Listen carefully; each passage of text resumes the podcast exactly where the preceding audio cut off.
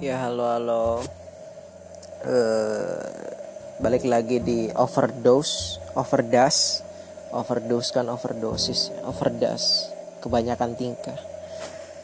Dengan gua Mariev, gua udah lama nggak ngupload karena ya emang ya gua belum belum nggak bisa tidur gitu. Gua masih enak-enak aja tidur.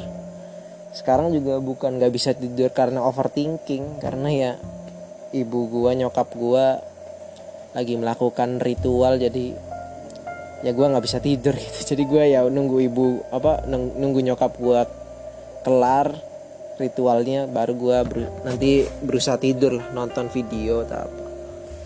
Uh, ini ada suara apa namanya suara jet pump.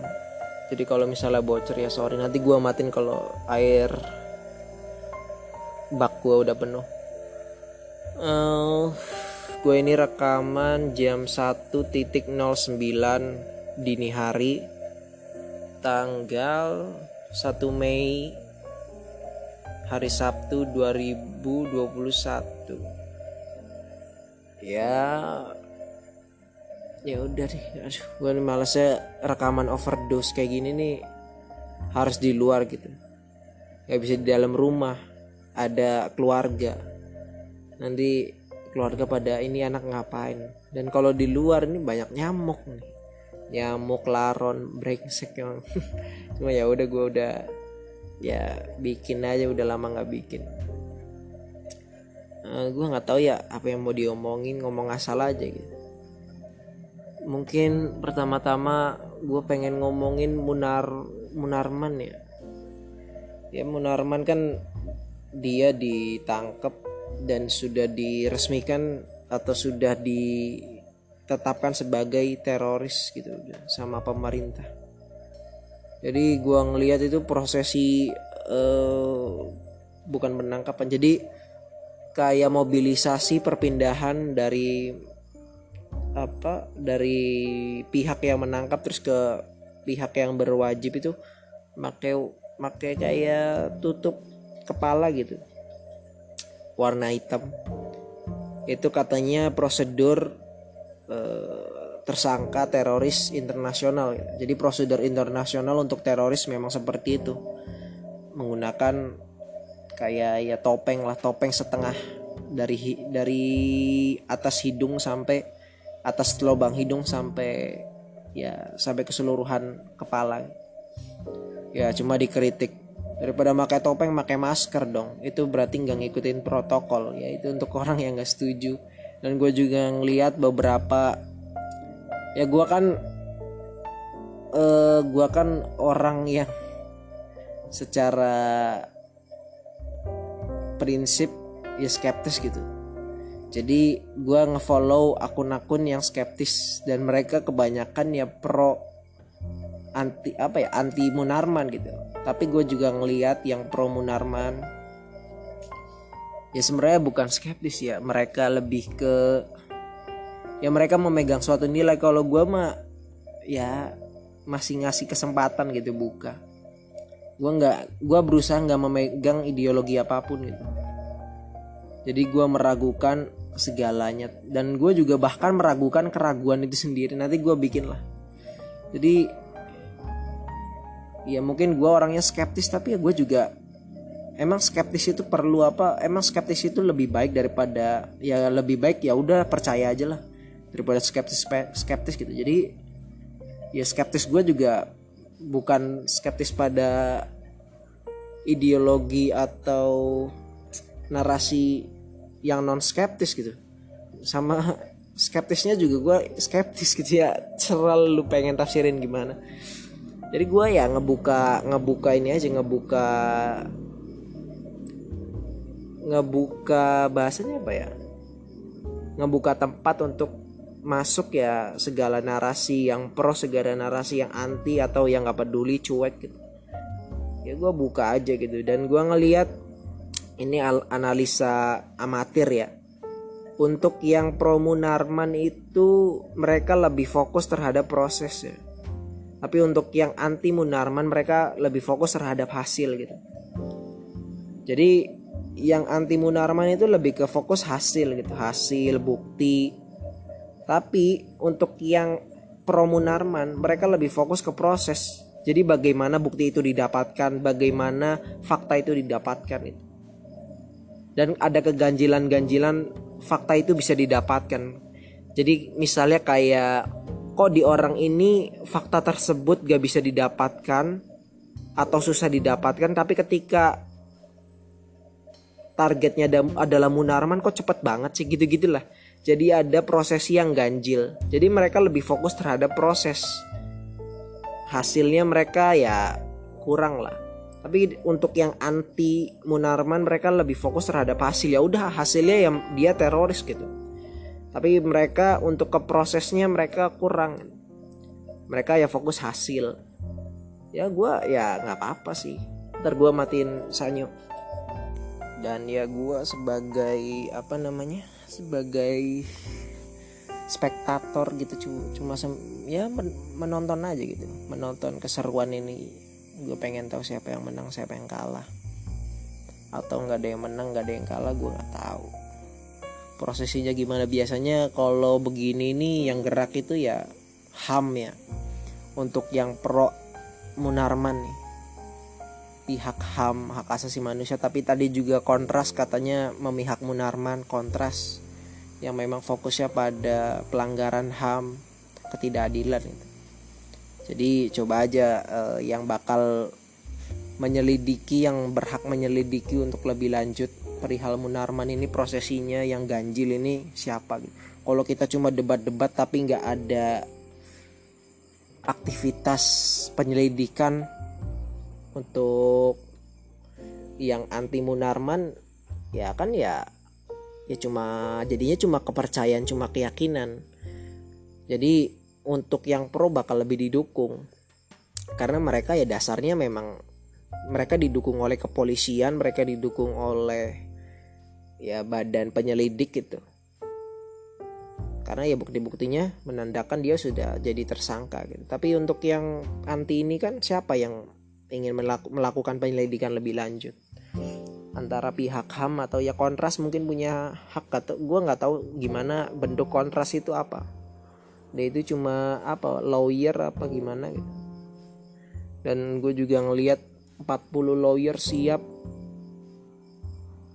uh, menemani proses peradilan Munarman. Gue gue tuh bingung kenapa sih lu apa ya banyak banyak lawyer tuh apa sih yang ngomong juga palingan dua orang gitu.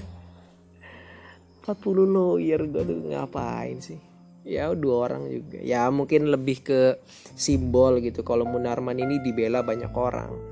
Ya simbol simbolis lah.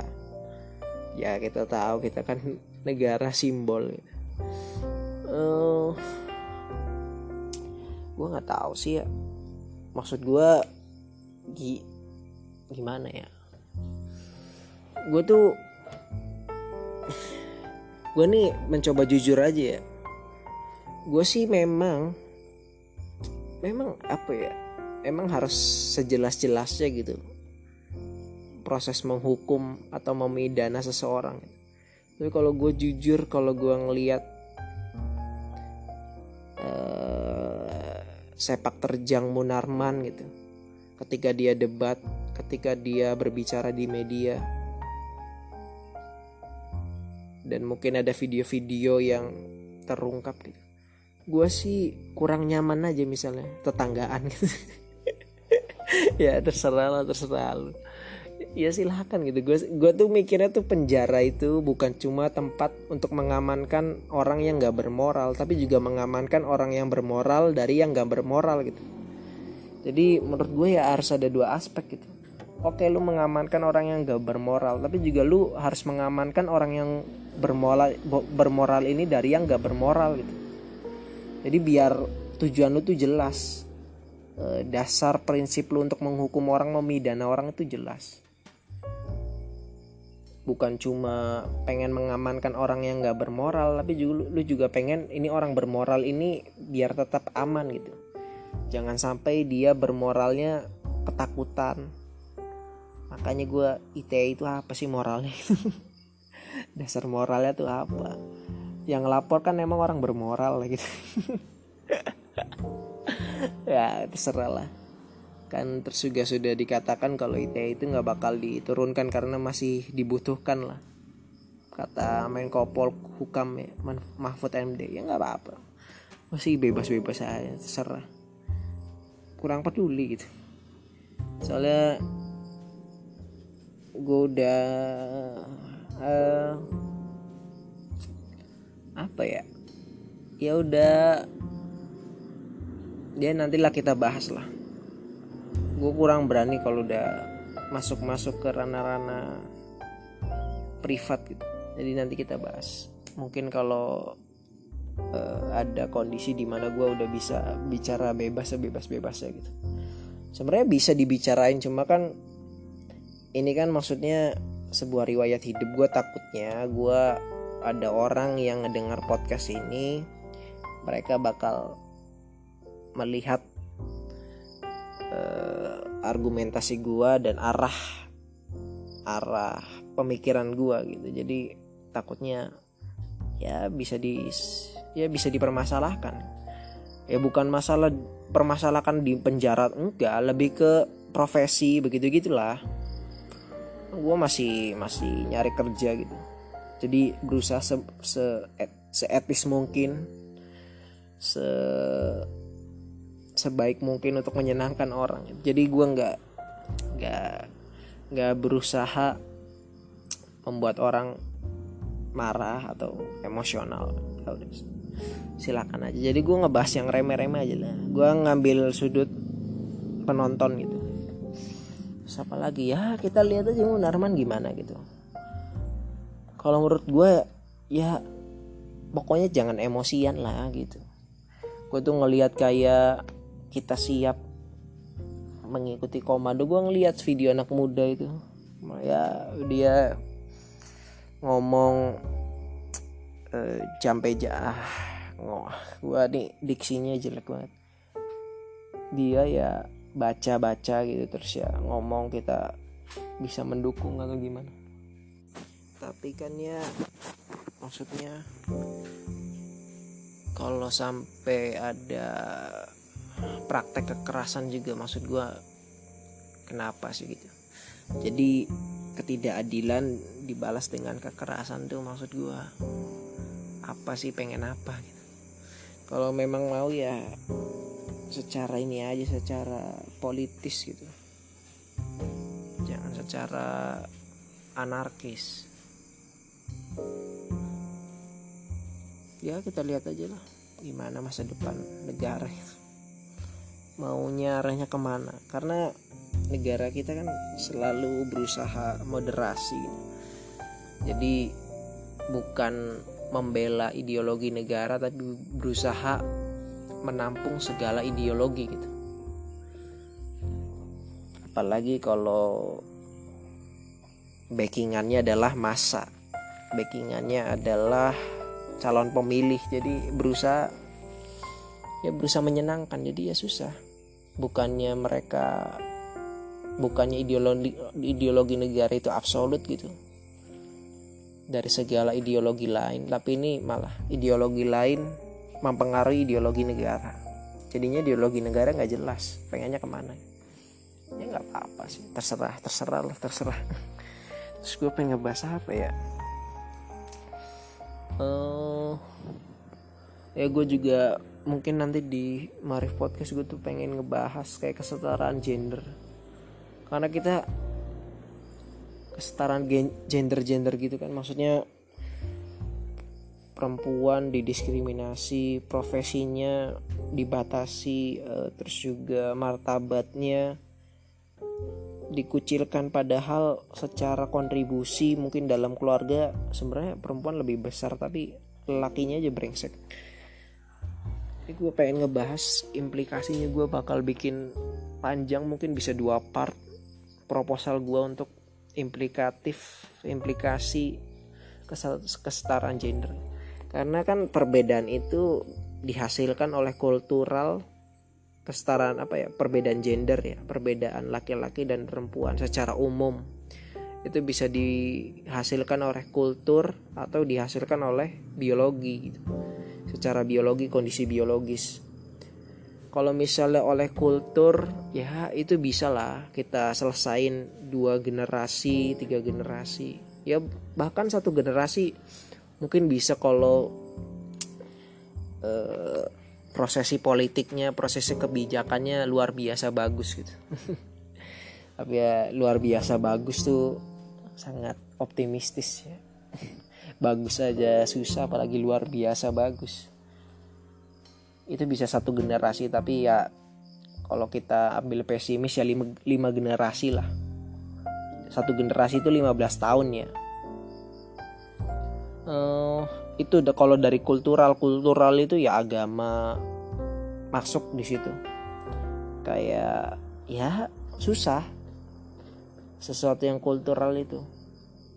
Jadi di mana ya gua ngelihat ada negara-negara di mana kalau emang gaji si istrinya lebih besar daripada gaji suaminya ya udah suaminya ditetapkan sebagai bapak rumah tangga gitu. Gitu aja. Nggak ada saling ambisi atau posesif atau narsistik untuk ya karena malu gitu. Apalagi kalau misalnya dia nggak ngapa-ngapain kan dan jiwa maskulinnya sangat dominan. Kalau mungkin dia feminim laki-laki tapi feminim ya mungkin senang-senang aja. Tapi kalau dia udah mas apa udah laki-laki maskulin dan dia ngerasa kalau dia kualitasnya di bawah istrinya malah ngamuk.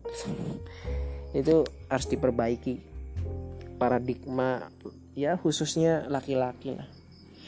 Bagaimana mendefinisikan arti kepala keluarga, kepala rumah tangga. Bagaimana soalnya gimana ya? Ya kalau udah kultural susah sih. Apalagi untuk lu yang pengusaha, pembisnis gitu. Moralitasnya itu bukan moralitas mana benar mana salah ideologi apa. Moralitasnya akumulatif aja gitu, akumulasi. Walaupun pembisnis itu pada bicara kesetaraan gender, kesetaraan gender, tapi mereka juga pasti ada posisi-posisi yang mereka yakin ini perempuan ini laki-laki pasti ada dibatasi gitu. Karena itu karena ada perbedaan biologis di mana kayaknya ya kalau kata Jordan Peterson itu ada perbedaan jelas pada wanita dan laki-laki secara umum ini. Lagi-lagi secara umum. Pasti ada perempuan atau laki pengecualian yang yang emang sifatnya aneh baik gitu berbeda. Ini secara umum ya bukan secara mutlak keseluruhan seperti itu enggak ini secara umum. Di mana perempuan itu lebih tertarik pada orang laki-laki itu tertarik dengan sesuatu lebih tepatnya barang. Jadi di mana ya perempuan lebih cocok untuk pelayanan laki-laki lebih cocok untuk me jadi mekanik gitu.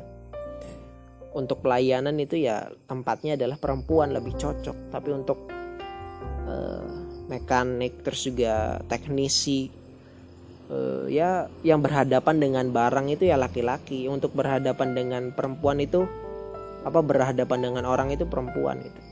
Dan mungkin kalau kita ngelihat contoh realitanya misalnya ada sebuah lagu gitu. Misalnya lagu K-pop. Laki-laki itu lebih fokus kepada lagunya tapi perempuan lebih fokus dengan siapa boy bandnya atau siapa yang nyanyinya gitu. Jadi laki-laki lebih fokus ya lagunya bagus gitu. Tapi kalau perempuan yang diobrolin adalah siapa yang nyanyinya. Ini yang nyanyinya ini loh gitu. Ya begitu mungkin. Tapi menurut gua itu terlalu spesifik ya. Mungkin ada ada gambaran yang lebih besar di mana akhirnya laki-laki ini diidentifikasikan itu lebih tertarik kepada barang dan perempuan diidentifikasikan tertarik kepada orang. Menurut gua ada ada ada faktor yang lebih besar gambaran yang lebih besar mengenai hal tersebut. Gak nggak sesimpel terlalu spesifik masuk gua tuh kalau udah cuma kayak ya spesifik spesifik banget. Kan maksudnya perbedaannya tuh nggak cuma itu dan jadinya pasti ada satu hal di otak itu yang beda. Terus ya membuat ada apa namanya eh cabang-cabang gitu. Dan lelaki lebih tertarik dengan barang dan perempuan lebih tertarik dengan orang itu salah satu cabangnya gitu. Dari gambaran besar komponen di otak itu nurun-nurun cabang-cabang gitu. Ada satu beda terus baru cabang-cabang cabang dan itu salah satu ini aja salah satu faktor atau salah satu turunan dari faktor yang besar tersebut. Itu secara biologis karena ya ada masalah kayak gitu. Jadi untuk pembisnis di mana mereka ya udah ada prinsip tempat ini untuk laki-laki tempat ini untuk perempuan. Moralitas mereka itu kan akumulatif. Kalau misalnya negara mungkin bisa kan dibuat kebijakan di mana untuk parlemen itu anggota parlemen 30% harus perempuan atau nanti sampai di saat 50% gitu harus perempuan. Gak tau gue di Amerika itu 30% ya perempuannya. Atau parlemen gak tau apa. Pokoknya ada kebijakan. Tapi kalau di pihak swasta kan lu ya bisa gitu gitu. Semuanya kan masalah administrasi. Bukan masalah benar salah ini untung tak rugi gue ngikutin idealis idealis tapi gue rugi ya ngapain? Negara kan maksudnya ngelihatnya ya ya simbol juga gitu. Berarti perempuan ini setara. Cuma kan kalau pihak swasta ya nggak peduli lah. Ya kalau lakinya lebih pinter ya kualitasnya lebih baik ya gue mendingan nge-hire laki-laki gitu. Jadi daripada gue meresikokan perusahaan gue ke perempuan yang kualitasnya lebih jelek dengan alasan idealis kalau perempuan juga harus dapat tempat ya. Kalau goblok ya gue juga males gitu. Gitulah mungkin kasarnya ya. Ini gue terlalu sinis. Terlalu sampah ini. Jadi kita ngelihat gitu gimana cara implikasinya. Dan kalau urusan untuk merubah kondisi biologis itu ya mungkin bisa sampai ratusan tahun ya. Karena udah jelas sih di mana secara evolusi ya laki-laki perempuan itu perbedaan tugasnya jelas gitu. jadi ya ketika lu pengen merubah kondisi biologis ya lama. Makanya gue juga misalnya kesetaraan. Kesetaraan tuh menurut gue ujung-ujungnya malah ya memperbesar perbedaan gitu antara laki-laki dan perempuan. Di mana misalnya lu ambrukin semua kultur ya. Kultur yang katakanlah patriark patriarki gitu lu ancurin semua jadi di mana ada ya egali egaliter tapi di mana egaliter juga maksud gua kan nanti kondisi biologisnya lebih lebih menonjol gitu jadi nanti perbedaan biologis itu lebih menonjol. Ini kan sekarang yang lebih menonjol per perbedaan kultu perbedaan karena kultural ya. Perempuan dan lelaki tidak setara karena kultural gitu. Atau perempuan dan laki-laki berbeda ini sekarang karena per, karena dihasilkan oleh kultural. Kultur kul, kultur yang membuat laki-laki dan perempuan ini berbeda secara umum lagi. Gua katakan lagi secara umum. Ada laki-laki dan perempuan yang yang ya beda gitu kan semuanya bukan dikotomi itu spektrum aja jadi misalnya kita runtuhin uh, kultur ini nanti secara bio, kondisi biologisnya lebih menonjol. Jadi perbedaannya bukan lagi dihasilkan oleh kultur tapi perbedaannya akan dihasilkan oleh biologis. Tapi menurut gue lebih baik. Soalnya nanti uh, namanya apa ya? Ya pelajaran sosial manusia itu atau antropologi itu lebih lebih bisa jelas gitu di mana ya kita uh, variabelnya lebih sedikit di mana kalau biologis mah bisa di lebih bisa dispesifikasikan. Kalau kultur itu kan masalahnya setiap tempat beda setiap bahkan setiap kampung beda bahkan setiap keluarga beda. Jadi ketika lu pengen mengobjektifikasi suatu kultur itu susah. Mungkin ya satu provinsi aja udah beda berbeda provinsi udah berbeda berbeda kota udah beda berbeda kampung udah beda berbeda RW udah beda berbeda RT udah beda berbeda rumah udah beda berbeda keluarga besar udah beda berbeda keluarga kecil udah beda. Jadi perbedaan kultur itu terlalu terlalu ini loh terlalu kompleks. Tapi ya kalau memang mau diurusin ya silahkan kalau memang sampai mau diobjektifikasi semuanya itu biar untuk membuat strategi kebijakannya bagaimana. Silakan kalau pengen diobjektifikasi. Kalau bagi gue lebih gampang ya kulturnya dihilangin kita mengobjektifikasi perbedaan karena dihasilkan kondisi biologis gitu yang nantinya lebih sedikit. Kalau kita mengobjektifikasi perbedaan yang dihasilkan karena kultur itu lebih kompleks lah kalau karena biologis itu lebih lebih gampang gitu mengobjektifikasinya perencanakannya untuk ke depan ini pengen dipakai buat apa nih? Ini kita mau ngarahin ke mana nih? Jadi gue katakan lagi fakta itu bukan sebagai pembelaan gitu. Gue juga kurang setuju dengan Jordan Peterson Peterson itu di mana dia pakai fakta itu ya fakta saintis fakta saintifik untuk membenarkan di mana ya ya memang lelaki dan perempuan itu beda gitu. Jadi ya ya nggak apa-apa sih. Jadi jadi itu maksud gue sebelum misalnya ada suatu fakta lu pakai ya bisa dirubah fakta biologis itu bisa dirubah. Kayak misalnya lu uh, secara secara biologis secara sosial faktanya adalah manusia emosional terus ya ya udah sih manusia emosional secara faktanya ya nggak apa-apa. Ya nggak bisa gitu. Kalau memang secara fakta emosional kita cari bisa nggak diubah? Kalau fakta itu cuma mengungkapkan fakta gitu. Bukan mengatakan jadi mengatakan apa yang sebenarnya. Fakta itu mengatakan apa yang sebenarnya. Tapi bukan mengatakan apa yang seharusnya gitu. Itu apa yang sebenarnya terjadi tapi apa yang harusnya seharusnya terjadi itu berbeda bisa didiskusikan itu cuma apa yang sebenarnya terjadi manusia itu emosional. Tapi apa yang seharusnya terjadi? Ya manusia rasional. Bagaimana caranya? Ya kita ubah. Walaupun lama ya paling gak ya nggak apa-apa. Yang penting dari sekarang prosesnya dijalankan gitu. Tapi kan tentu susah di mana ya kita nggak bisa mengharapkan ini kan semuanya urusan politik gitu. Kita nggak bisa ngarepin pemimpin kita mengerjakan kebijakan dengan hasil yang panjang gitu yang lama. Karena ya kita juga sebagai rakyat pengennya hasilnya langsung dilihat di depan muka gitu bukan hasil-hasil yang abstrak. Kan misalnya kayak eh apa namanya? Kita tuh lebih suka misalnya pan, produk Pancasila, produk pembukaan UUD karena itu hasilnya lebih jelas gitu. Sebenarnya implikasinya juga kan ngaco gitu, nggak bisa.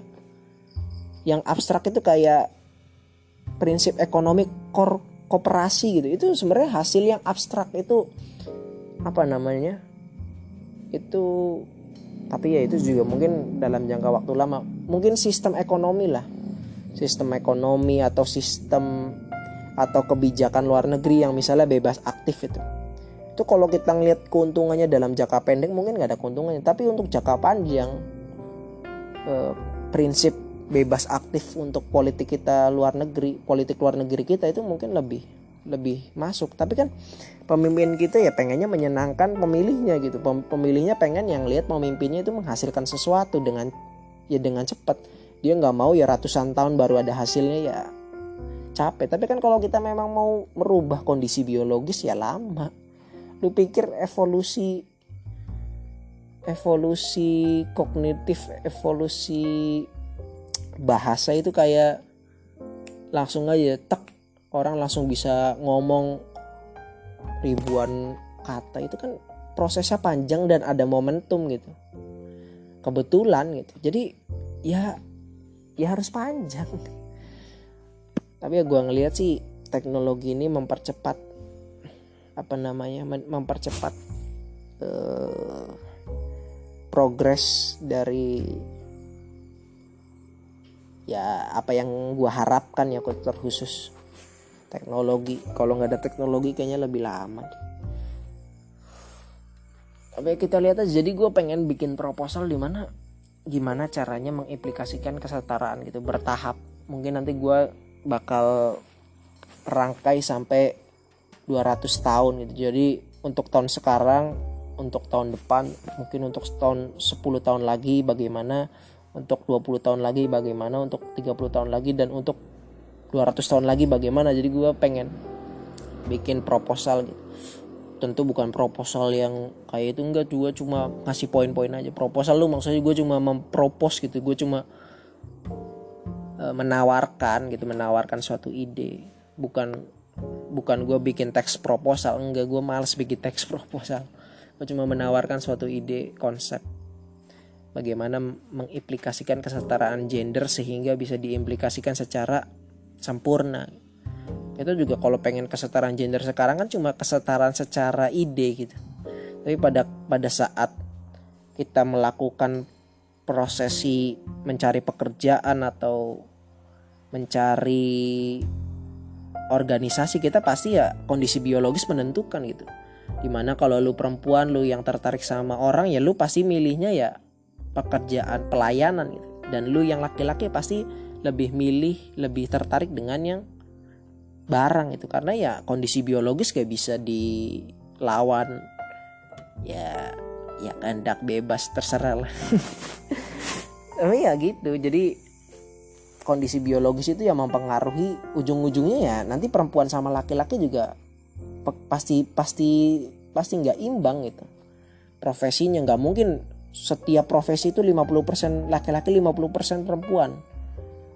Kalau kondisi biologisnya belum berubah sama masih sama seperti sekarang ya pasti ada lini-lini di mana laki-laki lebih dominan profesi di, di suatu profesi dan di profesi lain perempuan lebih dominan tapi nanti suatu saat misalnya kondisi biologisnya sudah berubah di mana kondisi biologis kognitif emosional laki-laki dan perempuan itu nggak beda nggak ada bedanya. Yang beda cuma perempuan ngelahirin laki-laki ngasih benih gitu.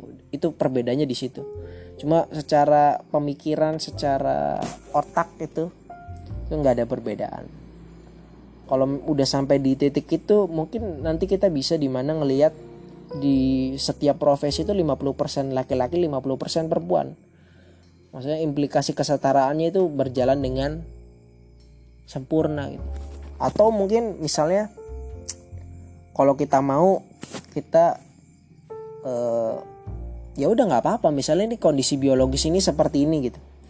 Kita menemukan jadi kita yang gua mau sih gue cuma pengen ngeruntuhin kultur dulu. Kultur diruntuhin semuanya sampai kondisi biologisnya terbaca dengan jelas gitu. Ini kondisi biologis perempuan dan laki-laki apa nih? Laki-laki lebih tertarik dengan apa perempuan lebih tertarik dengan apa? Dan lebih baik ya udah kita kita maksimalkan aja nih potensinya. Di mana kalau perempuan itu misalnya lebih tertarik dengan pelayanan ya kita lebih apa ya?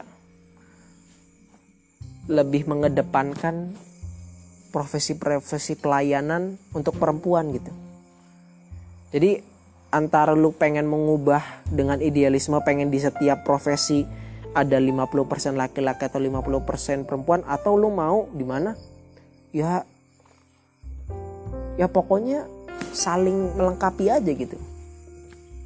Kalau di mekanik ya silakan laki-laki tapi di pelayanannya perempuan gitu. Jadi saling melengkapi jadi bukan merubah kondisi biologis lu untuk idealisme atau suatu ideologi yaitu kesetaraan gender tapi lebih ke oke okay, kondisi biologis kita berbeda ya kita maksimalin gitu.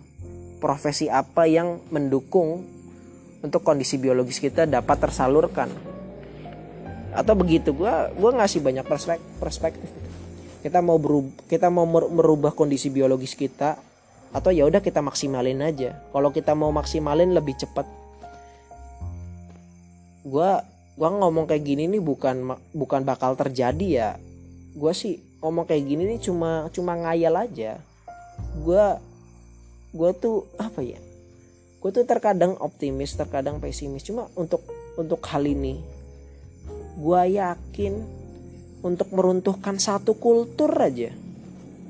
Itu itu enggak ya itu menurut gue susah. Karena ya nanti aduh gue gua nggak bisa gue nggak bisa ngomong itulah. Jadi ya maksud gue gue ngomong kayak gini kondisi biologis pengen dimaksimalin tapi untuk kita meruntuhkan satu kultur aja itu prosesnya mati-matian susah gitu. Jadi lu jangan mikir bahwa ini akan terjadi. Ini enggak ini cuma ini cuma ngayal aja marilah menghayal bersamaku gitu. Ini cuma menghayal cuma melatih logika melatih rasionalitas. Untuk kalau untuk lu berharap ini bakal terjadi jangan ngarep. Udah udah biar. Meruntuhkan satu kultur itu mati-matian gue yakin. Itu bakal ribuan orang yang jadi korban untuk meruntuhkan satu kultur. Walaupun kulturnya nggak masuk akal sama sekalipun. Itu mati-matian harus ada orang yang dipenjara harus ada orang yang mungkin ditangkap atau bahkan ada orang yang dibunuh harus ada itu. Untuk meruntuhkan satu kultur. Jadi jangan ngarep. Dan apalagi untuk muncul orang-orang seperti siapa? Eh junior junior itu siapa namanya? Yang di Amerika hak asasi manusia itu dia memperjuangkan hak asasi manusia ya kulit hitam itu. Siapa sih ada King Junior? Siapa sih? Gue lupa. Ya pendeta kan jadi untuk muncul orang-orang yang kayak apa ya bahasanya? Bahasanya itu ya orang yang rela mati gitu. Untuk kebaikan bersama itu susah. Dan termasuk gue juga enggak. Gue juga enggak gue bukan orang yang rela mati untuk kebaikan bersama enggak gue individualis oportunis. Jadi untuk muncul orang yang memang rela mati rela mengorbankan kehidupannya untuk kebaikan bersama seperti yang terjadi di Amerika yang siapa sih namanya? Gue lupa pokoknya ada King Junior gitu. Siapa sih? Pastor ya? Gue anjing lupa nih. Pokoknya dia itu terinspirasi atau referensinya itu Muhammad Gandhi. Lupa sumpah gue lupa.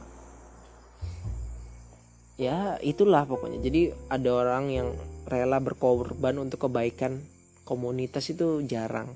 Orang yang rela mati rela dipenjara rela dipidana demi kebaikan bersama itu susah. Ya susah lah nyarinya gitu.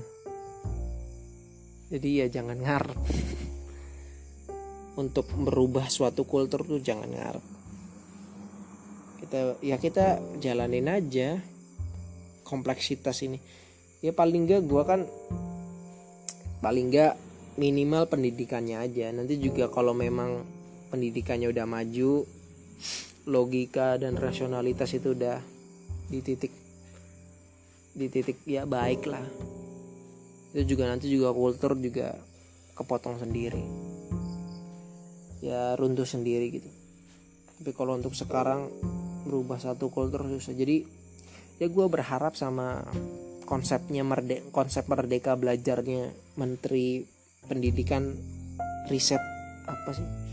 Ristek apa nggak riset dan teknologi ya. Kalau memang kita bisa ya bukan apa ya sekolah itu menurut gue ya nyuruh muridnya berpikir bukan nyuruh muridnya buat memikirkan apa yang harus dipikirkan gitu. Ya nggak usah dibatasin murid mikir apa gitu. Misalnya biologi ya udah terserah lu mikir apa biologi gitu. Tapi jangan lu batasi lu nggak lu nggak boleh mikir ini lebih lanjut. Atau kayak misalnya kita budaya kita di, di sekolah itu kalau ngajarin evolusi tuh ya kayak males aja gitu ngajarin evolusi tuh tapi guru-gurunya juga kayak nggak setuju gitu tuh. Jadi ngajarinnya tuh kayak kayak orang kurang pengetahuan karena mereka juga gue yakin gak mendalami evolusi dan karena ya males aja. Jadi maksud gue emang ada patokan-patokan kamu jangan mikir ini kamu harus mikir ini gitu. Jadi ngapain mending bebasin aja. Ya menurut gue merdeka belajar kalau emang begitu ya silahkan tapi kan merdeka merdeka belajar merdeka belajar tapi guru-gurunya juga harus merdeka mengajar gitu. Jadi muridnya merdeka belajar gurunya merdeka dalam mengajar. Gue juga kadang-kadang kan guru sejarah gue aja ngajarin moral gitu. Jadi guru sejarah menurut gue ya udah nyampein sejarah aja. Jangan nyampain kalau ini buruk ini baik. Udah lu nyampain kalau ini terjadi dan ini konsekuensinya gitu. Sam, apa konsekuensinya di masa lalu dan di masa sekarang. Urusan itu baik perspektif lu itu jahat gitu. Apalagi gue ngelihat kayak kasusnya Ata Ataturk ya. Dia menceritakan menceritakan Ataturk gitu kehebatan kehebatannya cuma pas lagi di akhirnya kuburannya sempit gitu. Guru sejarah gitu.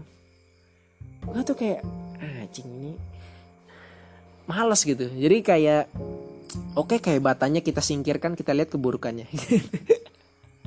Males aja gitu.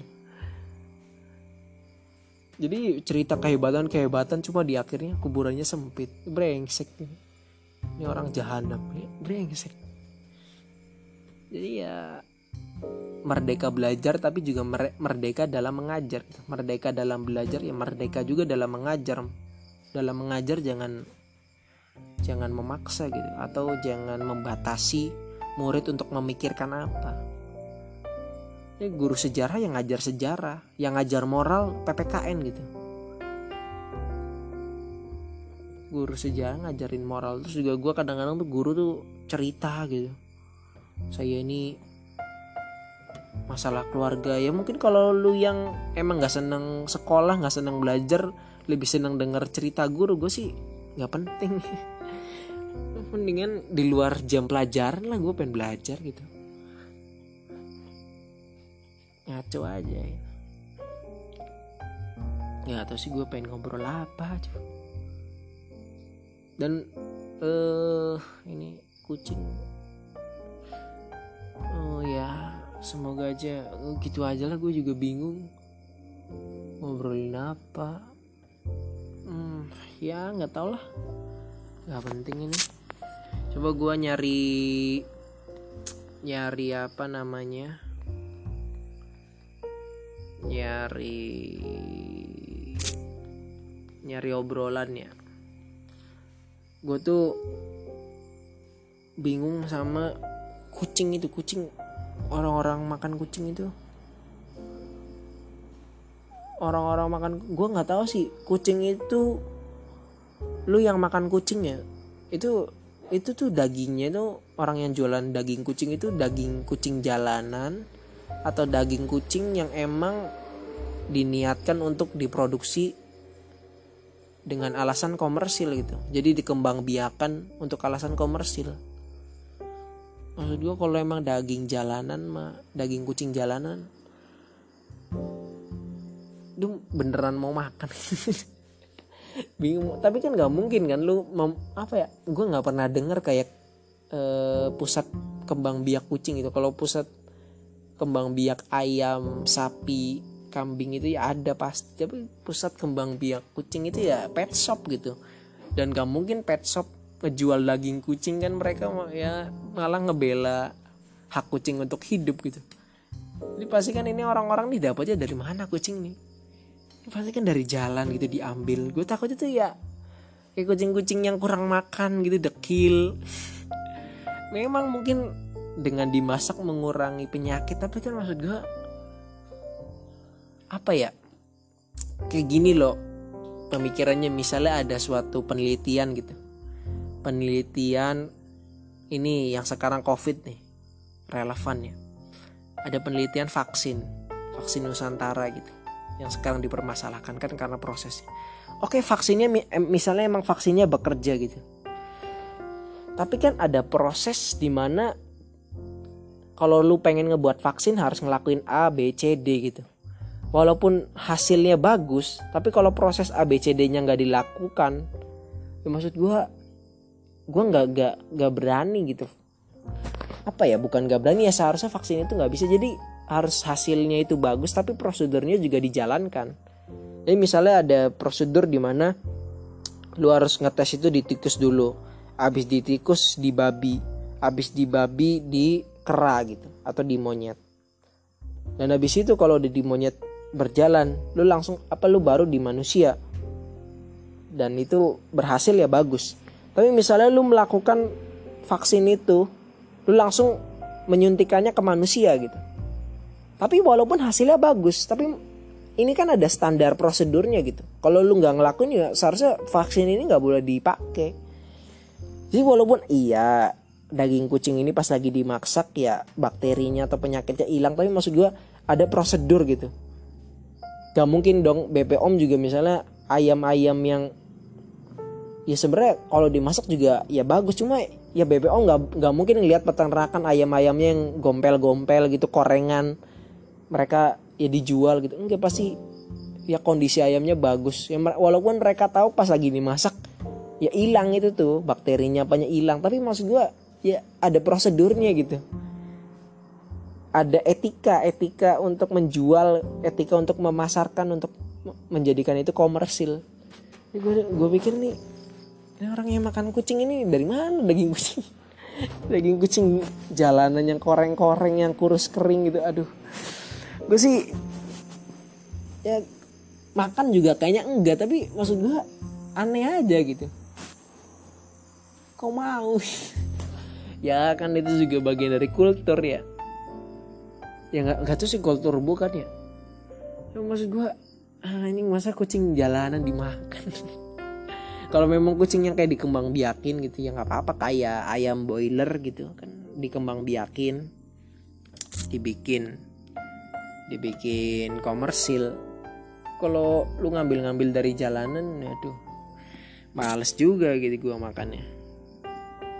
Terus ya udahlah gitu aja gue juga bingung. Ya udah uh, nanti tunggu aja over over das ini di episode episode berikutnya. Yang pasti over das ini paling jarang lah uploadnya. Karena ya pak di saat-saat tertentu aja. Di saat gue nggak bisa tidur gitu. Ya kemungkinan seharusnya mah karena overthinking ya. Tapi sekarang mah nggak karena overthinking emang nggak bisa tidur karena nyokap gue lagi ritual gitu. Jadi gue harus nunggu nyokap gue ritualnya selesai ya baru gue bisa tidur gitu. Ya, ritualnya berisik kan. Jadi gitu aja uh, ya balik lagi nanti di episode episode berikutnya dengan gue hostnya tetap Mariev dadah semuanya. Tai lah